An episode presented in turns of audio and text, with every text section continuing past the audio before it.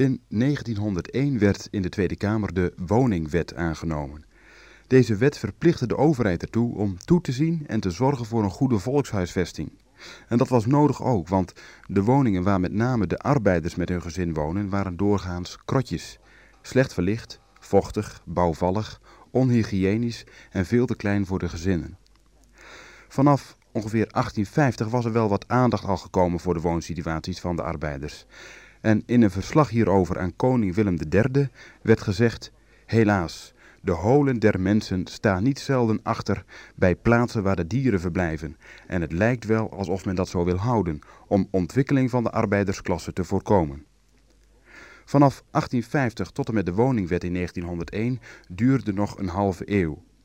Maar vanaf 1901 schoten overal in ons land de woningbouwverenigingen als paddenstoelen uit de grond.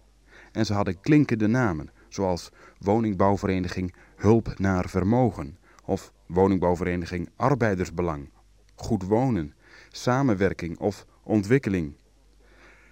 In Hardenberg duurde het nog tot 1919 voordat er een woningbouwvereniging opgericht werd. Woningbouwvereniging Beter Wonen.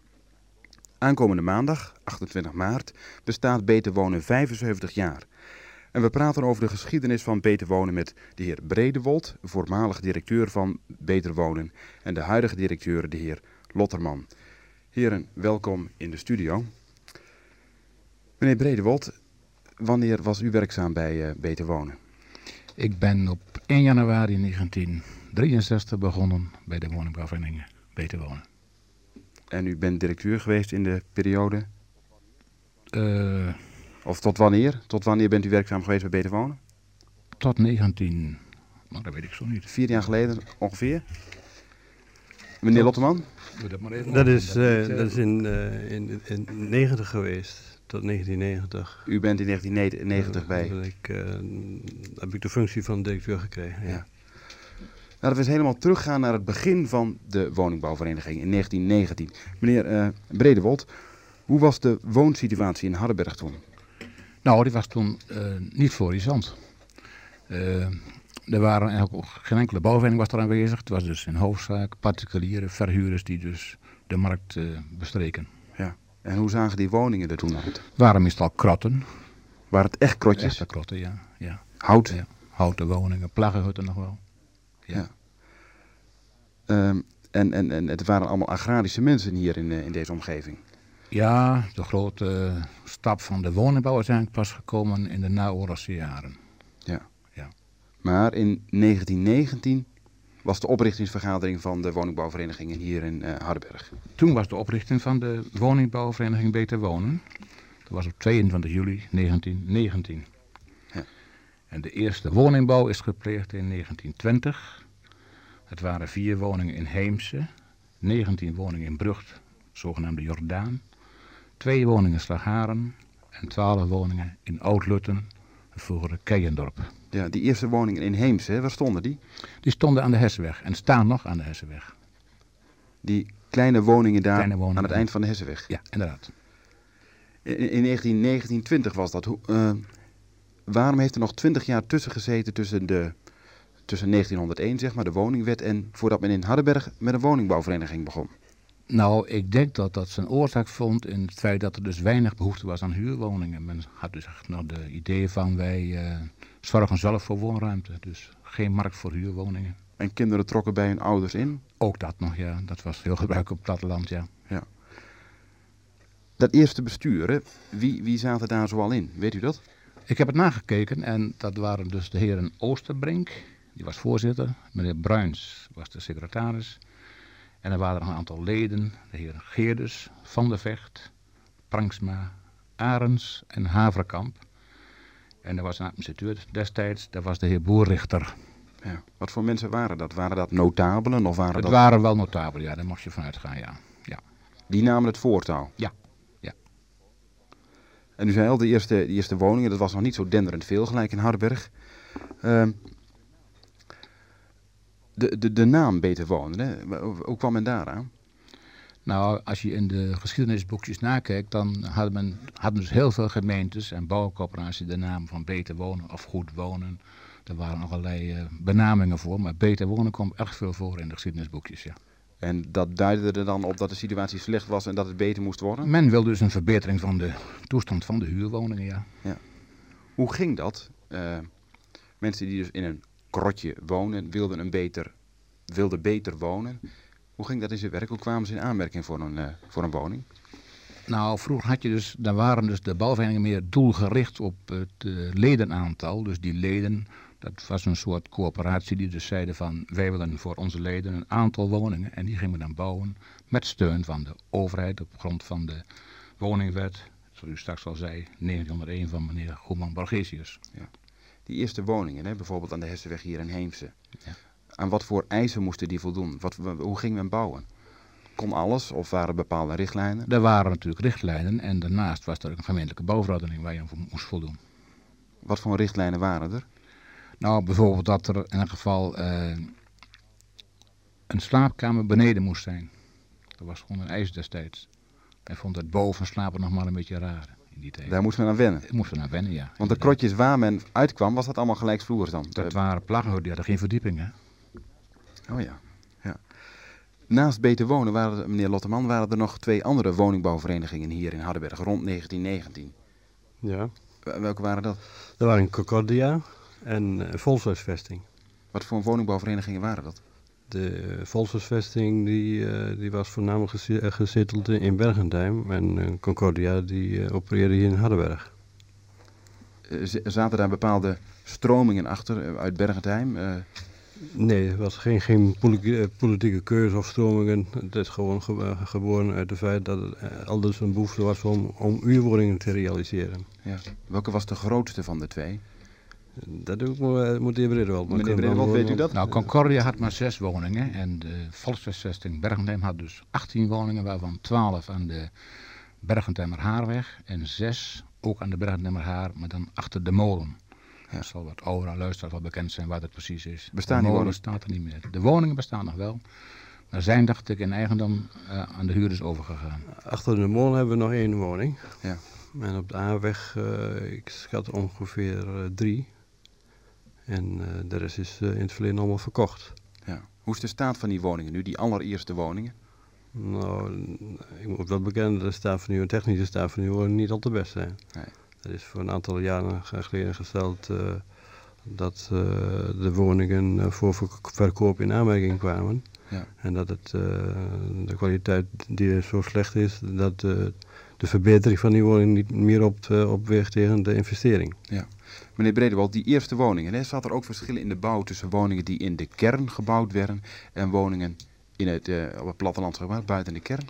Nee, dat is geen verschil in. Maar dezelfde woningen? Maar ik kan me voorstellen mensen buiten die er wat koeien hadden of zo. Werd daar rekening mee gehouden? Ja, u doelt natuurlijk de woningen in de Brucht in de Jordaan. Daar kwam er nog een deel bij. Dat men dus één of twee koetjes hield of een aantal geiten, ja. We praten over woningbouwvereniging Beter Wonen. Deze maand bestaat Beter Wonen 75 jaar. En we zijn in ons verhaal nu uh, langzamerhand bij de oorlog en de naoorlogse periode aangekomen. Meneer Lotteman, zou je kunnen zeggen dat voor de oorlog woningbouwvereniging Beter Wonen een wat kwakkelend bestaan nog uh, leiden? In zekere zin wel, want de, de, vraag uh, was niet duidelijk en uh, men ging alleen bouwen wanneer de vraag aanwezig was. En ja, dat, is, moeilijk voor, dat was een moeilijke prognose van te maken. Ja. Na de oorlog zie je dus een omslag daarin. Toen was de vraag plotseling wel. Hoe komt het dat er toen de vraag ontstond naar woningen? De groei van Hardenberg, denk ik. Industrialisatie bracht met zich mee dat meer mensen naar Hardenberg kwamen. Nou, en werk en wonen, dat, dat loopt altijd parallel. Ja. Wat voor industrie kwam hier toen? Wat heeft uh, vooral ervoor gezorgd dat de vraag naar uh, woningen kwam? Wat duidelijk spreken is, is de Wavin. Uh, het concern Wavin gaf toch een ontzettende groei impuls ook qua bouw voor, voor uurwoningen. Maar dat was de jaren 60, hè? Dat waren de jaren 60, ja. ja. Meneer uh, Bredewold, flats in Hardenberg, een nieuw fenomeen. Wanneer, wanneer, wanneer ontstonden die? De eerste flats zijn officieel in gebruik genomen of geopend in 1958. Welke waren dat? Dat waren de flats aan de Doormanlaan en de Tromstraat. Waren dat, was dat, dat echt bijzonder voor Hardenberg? Dat was voor Hardenberg bijzonder, de eerste hoogbouw. En uh, die eerste flats zijn ook officieel geopend door een gedeputeerde. Dus er werd nog een beetje vlagvertoon van gemaakt. waren ook flats die toen al voorzien werden van een centraal antennesysteem. Daar was Hardenberg, of de bouwvereniging dus, wel bijzonder trots op. Ja. Dus met één antenne dus alle 18 woningen dus voorzien van tv-beelden. En het vuilnis, hoe was dat geregeld? Dat was ook geloof ik bijzonder. Het vuilnis, er waren in die flats stortkokers aangebracht. En men kon dus de vuilnis via het balkon in een stortkoker doen en ging naar beneden. En er was dus een mannetje die daarvoor zorgde dat de zaak weer opgeruimd werd. Dat was meneer Tekkelenburg. De man leeft al niet meer. Maar die was daar uh, erg druk mee en een erg geziene gast bij de flats van de Doormalaan Tromstraat. Ja, ik, ik kan me voorstellen als de flats gebouwd worden voor het eerst in een plaats dat het publiekstrekkers zijn. Inderdaad, daar was enorm veel belangstelling voor. Ik, uh, ik heb zelf het vorige jaar in een van die flats te mogen wonen, dus dat vond ik wel uh, bijzonder. Ja, um, de eerste flats, dat werden er langzamerhand meer in Hardenberg. Na verloop van tijd werden dus flats gebouwd aan de Spaans kamp. Er waren 120 flatwoningen. Ja. En nee, eerst kwamen de flats aan de Kruisbrink natuurlijk nog. Dat uh, zou me hart ontschieten. Er waren uh, Kruisbrink en Lage Gadenstraat. Vier flatgebouwen die zijn onlangs helemaal gerenoveerd. Als je het nou ziet, dan kunt u ze haast niet terugkennen, denk ik. Ja. Daarna kwamen de flats aan Spaans kamp. En op het laatst zijn dus nog uh, flatwoningen gebouwd aan de Parkweg. Ja, die, die twee laatste, de flats aan Spaans kamp en aan de Parkweg. Daar zit een opmerkelijk verschil tussen. Ja, ja inderdaad. Uh, toen we op Spaans kamp gingen bouwen, toen zei het bestuur beter wonen. We willen dus graag flats hebben die een beetje modern zijn en voorzien zijn van centrale verwarming. Dat is deels gelukt, alleen één slaapkamer mocht er toen niet worden verwarmd. Het gekke van het geval is, toen we aan de Parkweg gingen bouwen, toen moesten alle slaapkamers verwarmd zijn. Dus ja, er was een verandering dus in, in acht jaar tijd. In acht jaar tijd, inderdaad. Het ene moment vond het nog een luxe en de volgende keer was het uh, noodzakelijk. Lift was ook iets nieuws. Lift, dat zijn de eerste flats met lift. Omdat je dus hoger ging als vier hoog, was het verplicht om een lift aan te brengen. Ja. En de parkweg zijn dus flats van zes hoog. Waren flats in Hardenberg geliefd toen ze gebouwd werden? Nou, die animo was al een beetje teruggelopen. Want ik weet nog dat op een zeker moment Beter Wonen zei op de Heemse Mars... Uh, daar moeten volgens het uitbreidingsplan flats gebouwd worden. En daar was Beter Wonen niet van zins om nog meer flats te realiseren. Toen is er bijna een conflict situatie ontstaan met het gemeentebestuur. Toen kwam er namelijk in de raad een wijziging van het bestemmingsplan. En er was toen een minderheidsvoorstel van een van de collegeleden die zei van... Uh, ik wil daar wel flats. Gelukkig hebben we dus uh, burgemeester van Splunder aan onze zijde staan. Die zegt van nou, ik ben het met beter wonen eens. Ja. Uiteindelijk heeft de raad dan besloten om toch het bestemmingsplan aan te passen. En zijn er een aantal andere woningen gebouwd. Ja. Die dus nu zijn gesitueerd aan de Rijgenstraat. Ja, we praten dan over de jaren 60. Mm -hmm. En uh, de jaren 60 was eigenlijk ook de, de hoostijd van, de, van beter wonen. Ja. Was er woningnood in die tijd in Hardenberg? Er was een enorme woningnood, ja. Dat bleek toen wel uit uh, de vele bezoeken die we dus aflegden aan het gemeentehuis, uh, aan de zittingen van de woonruimtecommissie. Ja. Op grond van de woonruimtewet werden toen de woningen toegewezen en er was toen een behoorlijke woningnood. En, waar had dat mee te maken, die, nou, die, woningnood? Hoe ook dat, dat hij dus industrie kwam en op een zeker moment dan eigenlijk niet voldoende contingenten werden toegewezen. Dat was natuurlijk een financiële kwestie. Ik bedoel, iedere gemeente die gaat het pad op van we moeten zoveel mogelijk woningen bouwen. Vooral in die naoorlogse jaren dus. Dat was een kwestie ook van wederopbouw, maar ook uitbreiding wegens industrieën. Ja. En een van de industrieën is de Wavin. Is de Wavin. Sloot u bepaalde contracten af met, uh, met de Wavin? De Wavin had een uh, bevoorrechte positie ten opzichte van de gemeente en ook van Beter Wonen wel. Want uh, de Wavin huurde de woningen rechtstreeks van de bouwvereniging. Is dat wel helemaal eerlijk? we hebben het later veranderd. Mag ik dat erop zeggen? De, u vond het zelf ook niet helemaal eerlijk? Nee, ik zeg alleen dat het later veranderd is. Ja. Toen er dus geen woonruimtewet meer was, toen kwam dus Beter Wonen met een eigen commissie. En hebben gelijk gezegd van we gaan de huurcontracten met de WAVIN dus beëindigen. Dat is een goed overleg gebeurd met WAVIN. Ja. Maar van de andere kant, de WAVIN is natuurlijk een hele belangrijke factor voor Hardenberg geweest. Ook qua werkgelegenheid. Dus ja, ja. in hoeverre ik dan praat van eerlijk, dat uh, ja. geeft er geen antwoord op, denk ik. In, in, in, uh, in 1963, dus de industrie kwam, uh, de vraag naar woningen groeide, de organisatie van Beter Wonen. Hoe ontwikkelde die zich? Nou, we zijn dus in 1959 gestart met een uh, eigen uh, technische dienst voor het onderhoud van de woning. Er werd voor die tijd dus al veel uitbesteed aan aannemers. Maar in de jaren 59 uh, en volgende jaren is dus kleine schaal begonnen met een eigen onderhoudsdienst. En dat waren dan wijlende heren Nijland en Bruning. Die op hun bromfietsje dus de gemeente doorgingen om de klachten dus te verhelpen. En er was nog een man op een bromfiets die er ook uh, de gemeente doorkroos was, de heer Bakker, de incasseerder van de woningbouw. Ja, e, eventjes, eventjes nog terug naar de organisatie. Ja. De heer Bakker, daar komen we straks nog op. Um, waar was de woningbouwvereniging gesitueerd? Waar zat u met uh, de administratie? De administratie was in eerste instantie uh, in een noodgebouwtje bij mij achter mijn huurwoning. is later verhuisd naar een flat aan de Doormanlaan. En tenslotte is daar dus een eigen kantoorgebouw gebouwd voor de bestaande werkplaats. Die werkplaats Die werd was al eerder gebouwd. in 59 Mhm. en daar werd later het kantoor, kantoor voor Kantoorgebouw voorgebouwd, ja. We hadden het ook al even over die twee mensen, eh, het onderhoud van die woning. Ze gingen op hun brommertje Hardenberg door met al het Ja. materiaal wat ze nodig hadden. Ja, in een tas achter de romfiets ja, of met een rek op de, op de rug met glas, ja, als je glas moest zetten. Heel eh, primitief alsnog. Ja, nu wel, maar toen niet. Ja. Al, in elk geval geen goede arbeidsomstandigheden. Nee. Ja, voor die tijd Voor misschien die wel. tijd wel. Ja, ja. Wat is een zogenaamde brengschuld? Meneer Bredold? De huur is, eh, was in de wet zo geregeld, de huur is een brengschuld. Eh, maar ja, dat brengen kon alles niet van terecht. Dus vandaar dat Beter Wonen altijd al een incasseerder in dienst had. En dat was dan in de persoon van de heer Bakker, waar ik net al eventjes over sprak. En ook de heer Bakker was in de het bezit van een bromfietsje van een bekende Solex. Bromfiets was het toen. Het is reclame, maar het wordt toch niet meer gemaakt, dus eentje werk dacht ik. En eh, ja, je komt alle wegen in Harderwijk kwam je dus de heer Bakker tegen met zijn schoudertas. En eh, Wat voor man was dat? dat was een man, een, ja, in feite voor die jaren al een soort eh, maatschappelijk werker, kan ik eigenlijk wel zeggen. Want niet alleen haalde hij de huur op voor beter wonen, maar hij nam ook andere boodschapjes van de mensen aan. Bijvoorbeeld de nota betalen van het elektra, dat komt er nog contant bij de IJsselmei. Of de belastingen voldoen op het belastingkantoor Hardenberg.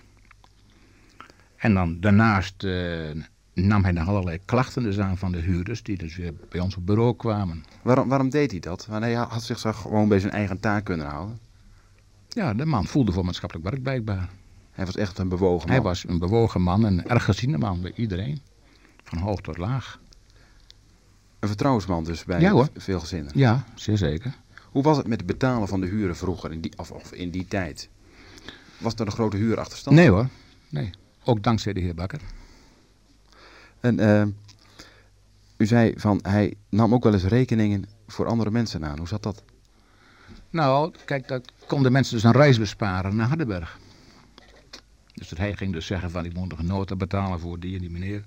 Wegens eh achterstallig elektra of wegens belastingsschuld of gewone belastingen. Dus.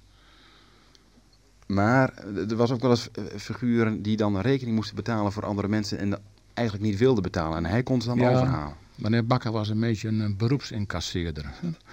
Die deed ook eens klusjes voor derden. Ik weet nog wel een verhaal daarover, ik die mag vertellen of niet. Maar dat was voor een, eh, een chirurg van het ziekenhuis, die had iemand geopereerd. En die kon moeilijk zijn rekening betaald krijgen. En die kende ook de heer Bakker en vroeg hem dus van... eh, wilt u zorgen voor de incasso, dan kunt u 10% kunt van het bedrag mag u dan houden als incassoloon.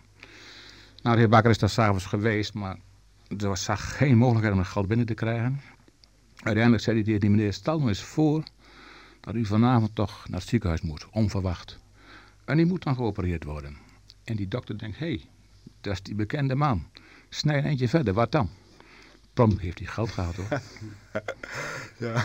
Die meneer Bakker die kon ook goed dichten, hè? Ja, ja. Hij nam dus allerlei klachten aan bij de huurders en dat eh, ging hij meestal in dichtvorm weer op ons bureau brengen. En zo was er dus een klacht over het toilet. Die klacht was er, die was er dus bij herhaling. En het was me dus even ontschoten. En er stond op, denk erom, dus de tweede herinnering. Want bij die en die meneer, die huurde dus, of die mevrouw, daar dreigt het grootste gemak een ongemak te worden. Hardenberg werd eh, steeds groter en groter en de bo- woningbouwvereniging Beter Wonen groeide mee. De ontwikkeling van de verschillende wijken in Hardenberg. Meneer Bredewald, kunt u daar iets over vertellen? Hoe ging dat? En welke rol speelde de woningbouwvereniging daarin? Nou, we hadden meestal een uh, voortrekkersrol met de ontwikkeling van de wijken. Want als Beter Wonen dus niet ging starten, dan uh, kwam er eigenlijk geen begin. Dat kwam ook doordat in Hardenberg was toen nog weinig animo voor de eigen bouw. Dat is eigenlijk pas in de laatste tien jaar ontstaan. En nadat Baalder dus werd uh, gerealiseerd. Hoe komt dat? Dat er geen belangstelling was voor eigen bouw? Ja, ik denk dat van Hardenbergers van origine dus uh, erg gewend waren en verwend waren met huurwoningen. Dat de woningen van goede kwaliteit waren. Ik moet dus zeggen, als je een rekensommetje maakt, uh, is het dan wel zo dat je zoveel opschiet met een eigen huis. En het ligt nu een beetje anders. En dat is iets van de laatste tien jaar, dat mensen belangstellen in eigen woning? Ja, er zijn de grote slagen zijn geleverd uh, of begonnen op het Hazenbos. En later een vervolg gekregen in Baalder. En nu in Baalderveld, ja, daar kunt u met eigen ogen aan schouwen. Ja. Dat is uh, bijna allemaal particuliere bouw. In 1985 was er in Hardenberg een heel bijzonder project. Meneer Lotteman? Dat was in, uh, denk ik, wat u bedoelde in 1987. Een project Zalland midden in de kern van Hardenberg. Ja. Dat is, was uh, een heel bijzonder project. Het is nu nog steeds een bijzonder project. Het wordt wat genoemd het paradepaadje van Beter Wonen. Op een gegeven moment uh, was duidelijk de behoefte kenbaar bij Beter Wonen dat uh, behoefte was in woonruimte voor de derde generatie, werd er toen over gesproken, mensen van 55 plus. Daar is toen uh, een plan ontwikkeld om op die locatie, was voorheen uh, Coberco, het is de melkfabriek. Dat is een unieke locatie. We hebben daar wat stroomhallen gebruikt om dat voor beter wonen te kopen. Ja. Wat is het unieke van dat gebouw? Nou, het unieke van het gebouw is dat uh, de ontwikkeling die daar gepleegd is door ons, uh, uh, een aantal jaren later door anderen wordt overgenomen.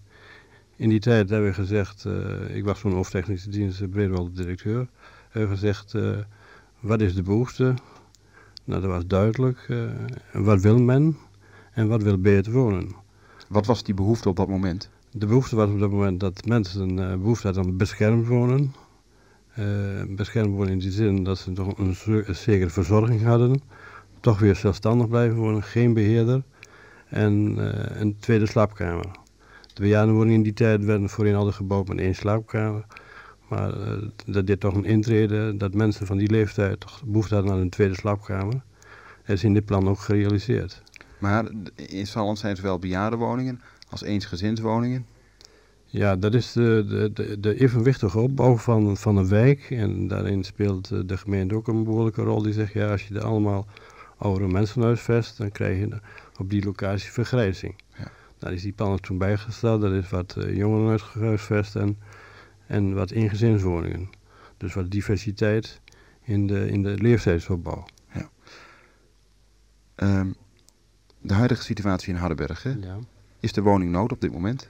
Op dit moment is uh, in elk geval geen behoefte voor meer voor de sociale uursector. Blijkbaar wel voor de, de koopsector, want Hardenberg groeit en vooral Waalderveld. Maar het gebied van de sociale uursector is het, uh, is het uh, dalende. Dat lijkt me een probleem voor beter wonen.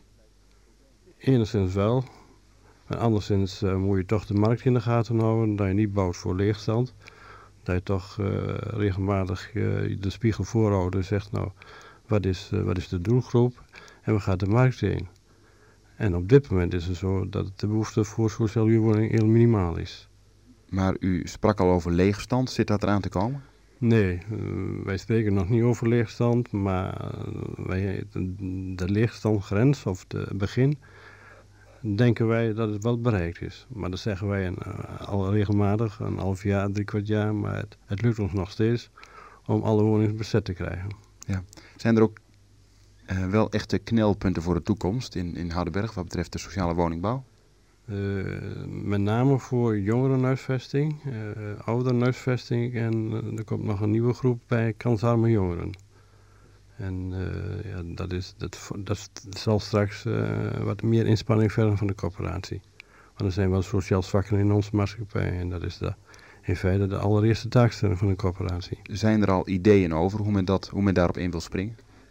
Wij zijn daar druk mee bezig om via een beleidsplan nadrukkelijk uh, vast te leggen wat, wat, wat we in de toekomst zoal moeten doen. Ja. In het algemeen gesteld, hoe ziet de situatie van woningbouwvereniging Beter Wonen de komende 75 jaar eruit?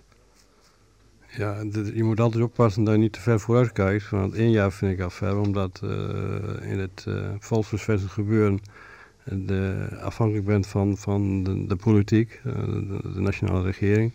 En die eh, zijn heel uh, vlot met allerlei regelgeving. Je hebt op een gegeven moment een beetje ingesteld op een bepaalde regelgeving. En dan wordt je weer gewijzigd en dan komen de volgende weer aan. Dus we moeten heel alert reageren. En de stand van zaken, ik zou wel zeggen, per minuut in ogenschouw nemen en dan reageren. Maar de kracht van beter wonen is, als ik het goed begrepen heb, die regelgeving vanuit Den Haag voor zijn en zelf de zaak in de gaten houden. Ja, eh, ik, zeg maar de term aanpasbaar bouwen, wat nu als, als term wordt gebruikt, is door ons in 87 in uitvoering gebracht zonder uh, al met die term om te gaan. We hebben gesteld dat mensen, wanneer ze gezond zijn in die woning, kunnen wonen, maar raken ze gehandicapt, dat ze ook in die woning kunnen blijven met een kleine geringe aanpassing. Dat zijn de nieuwste ontwikkelingen? Dat, zijn de nieuwste ontwikkelingen die eh, in de, in de landen wordt ge, uh, nadrukkelijk wordt naar voren gebracht. Een zonnige toekomst dus voor beter wonen? Ja, zonnig. Uh, je moet altijd oppassen dat je niet uh, al te, te situaties voordoet, maar wij zijn op, wat dat betreft wel tevreden, ja. Heren, ik dank u hartelijk voor dit gesprek.